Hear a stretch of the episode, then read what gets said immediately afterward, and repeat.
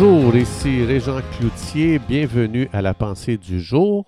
Aujourd'hui, je vous invite à tourner avec moi dans le livre de Jérémie, donc dans l'Ancien Testament, au chapitre 2, le verset 13, un verset très, très, très puissant, avec beaucoup de lumière pour notre vie. Ça dit, Mon peuple a commis un double péché.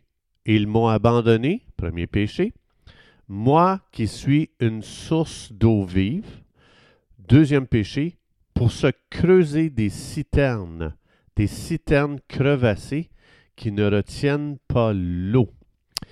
Donc, très important, ce verset nous explique combien euh, l'être humain va chercher une source à l'extérieur de Dieu.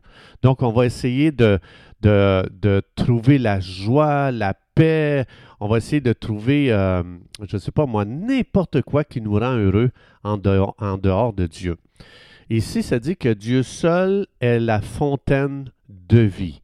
Dieu seul ne nous décevra jamais. Les gens vont nous décevoir. La vie va nous décevoir. Des choses dont on ne s'attendait pas peuvent nous arriver, mais c'est là qu'il faut se tourner vers Dieu, dire Dieu, je crois que c'est toi qui es ma, source de vie. Donc, ça veut dire dans Philippiens 4.13, Dieu dit, si jamais quelque chose t'arrive et tu penses que tu n'es pas capable, sache que je suis ta, ta, source de vie et je déclare sur ta vie que tu peux tout faire par ma puissance que j'ai mis en toi. Donc, euh, quand j'arrive à dire ça, je ne suis plus capable de ça, ça, c'est bien au-delà de mes forces, c'est-à-dire, ça veut dire que je me suis coupé de la source euh, de puissance, la source d'autorité spirituelle, la source de l'onction. Et Dieu dit qu'il sera toujours ta source dans ta vie. Donc, euh, ça se peut peut-être qu'il y a des gens dans votre vie, probablement, je pense que c'est arrivé à tout le monde, que euh, ces gens-là, on, on, mettait beaucoup, on avait beaucoup d'attentes envers ces gens-là. On les regardait comme wow, on les admirait. Et puis ces gens-là là, nous apportaient tellement de bonheur, de joie. Et puis, ça se peut qu'un jour, ces gens-là tombent blessés. On les admirait, mais est-ce que ça se pourrait qu'on avait fait de ces gens-là des dieux sur notre vie? Est-ce que ça se peut qu'on les avait pris pour notre source de joie, notre source de bonheur? Ici, ça dit que Dieu seul est la source de notre joie, Dieu seul est la source de notre bonheur. Je fais juste penser même euh, combien de gens ont été tellement déçus même des, leaders religieux. Donc, on entend encore et encore et encore et encore. Euh, donc, euh, aux nouvelles, on n'aurait pas de nous dire un tel fait telle affaire, puis là, on, on est là, oh non, pas un autre leader qui fait ça. Donc, est-ce que ça se peut que c'est le temps pour le peuple québécois, le peuple canadien ou le peuple ou l'humanité, tiens, les gens de notre génération, de dire ma source, je vais, mettre mes yeux sur Dieu, je vais mettre mon espoir sur Dieu. mes attentes, je vais les mettre sur le Dieu qui n'échoue jamais, qui ne tombe jamais, euh, qui jamais ne va me décevoir. Donc, c'est tellement important. On, laisse tellement notre bonheur entre les mains des êtres humains. Et c'est pour ça que ça dit dans Jean 2, 27, je crois, que Jésus ne faisait confiance à aucun d'eux. Jésus faisait confiance à son Père pour les apôtres, pour les disciples. Donc Jésus n'a jamais mis sa confiance dans l'homme. Il l'a mis dans Dieu seul, qui est la source de paix, la source de joie. Fait que quand Judas le trahit, quand Judas l'a vendu, Jésus n'était pas déçu, il le savait, il faisait confiance à son Père que c'était le choix de son Père que Judas, un traître, fasse partie de son team. Dans 1 Corinthiens chapitre 10, verset 13, ça dit Jamais, jamais, jamais quelque chose va arriver au-dessus de tes forces. Pourquoi? Parce que Dieu est en contrôle, Dieu veille sur toi comme sur la prunelle de ses yeux. Donc, c'est euh, euh, non raisonnable de dire que je ne peux pas faire ça, que j'en peux plus avec cette situation-là. Donc oui, ça, peut arriver qu'on n'arrive pas à comprendre des choses qui nous arrivent, mais une fois que ça m'arrive puis que je suis dépassé dans ma compréhension, j'ai le privilège, j'ai l'honneur et la bénédiction de venir à Dieu, de dire Dieu, je te donne mon problème et je te fais confiance, Seigneur. Tu dis que tu vas tout faire travailler en ma faveur.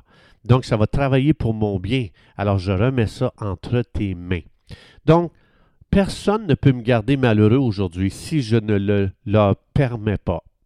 Donc, il faut que j'arrête de donner à quelqu'un d'autre ma, ma responsabilité de garder ma joie. Donc, si je commence à faire ce que je peux avec la puissance de Dieu et de ne pas m'inquiéter avec ce que je ne peux pas faire, puis de dire dans Romains 8, 28, Dieu va faire sa part pour que toute chose à mon bien. Oui, il y a des blessures euh, qui peuvent être très profondes, il y a des blessures dans la vie qui peuvent être très douloureuses, mais si je viens à Dieu et de dire, Dieu, j'ai été très déçu ici, je viens à toi, je dépose entre tes mains mes blessures, je dépose entre tes mains mes douleurs. Si on ne fait pas ça, les douleurs et nos blessures vont devenir nos tourmenteurs qui vont ruiner notre vie. Donc, il faut se rappeler le verset qu'on a lu au début, Jérémie 2.13, lui dit, Je suis la seule source de vie, la seule source d'eau vive. Je suis le seul qui peut te rafraîchir. Je suis le seul qui peut te faire du bien. Je suis le seul qui peut te sortir de ton pétrin. Je suis le seul qui peut déposer dans ton cœur aujourd'hui une joie et une paix qui ne dépend pas des circonstances. Je suis le seul qui peut déverser en toi mon amour, qui va faire qu'aujourd'hui tu vas te sentir tellement aimé que tu ne, deviendras pas une sangsue dans ce monde pour aller voir les gens et dire Aime-moi, aime-moi, je t'en supplie, aime-moi, je t'en supplie, sois mon ami. Ça, c'est des sangsues, et ça, c'est des gens qui cherchent une source d'eau vive dans les humains jamais les humains, on n'a pas cette capacité-là. On n'a pas la capacité de combler les gens, de les remplir de vie, de les remplir de, de, bénédiction. C'est Dieu qui le fait à travers nous.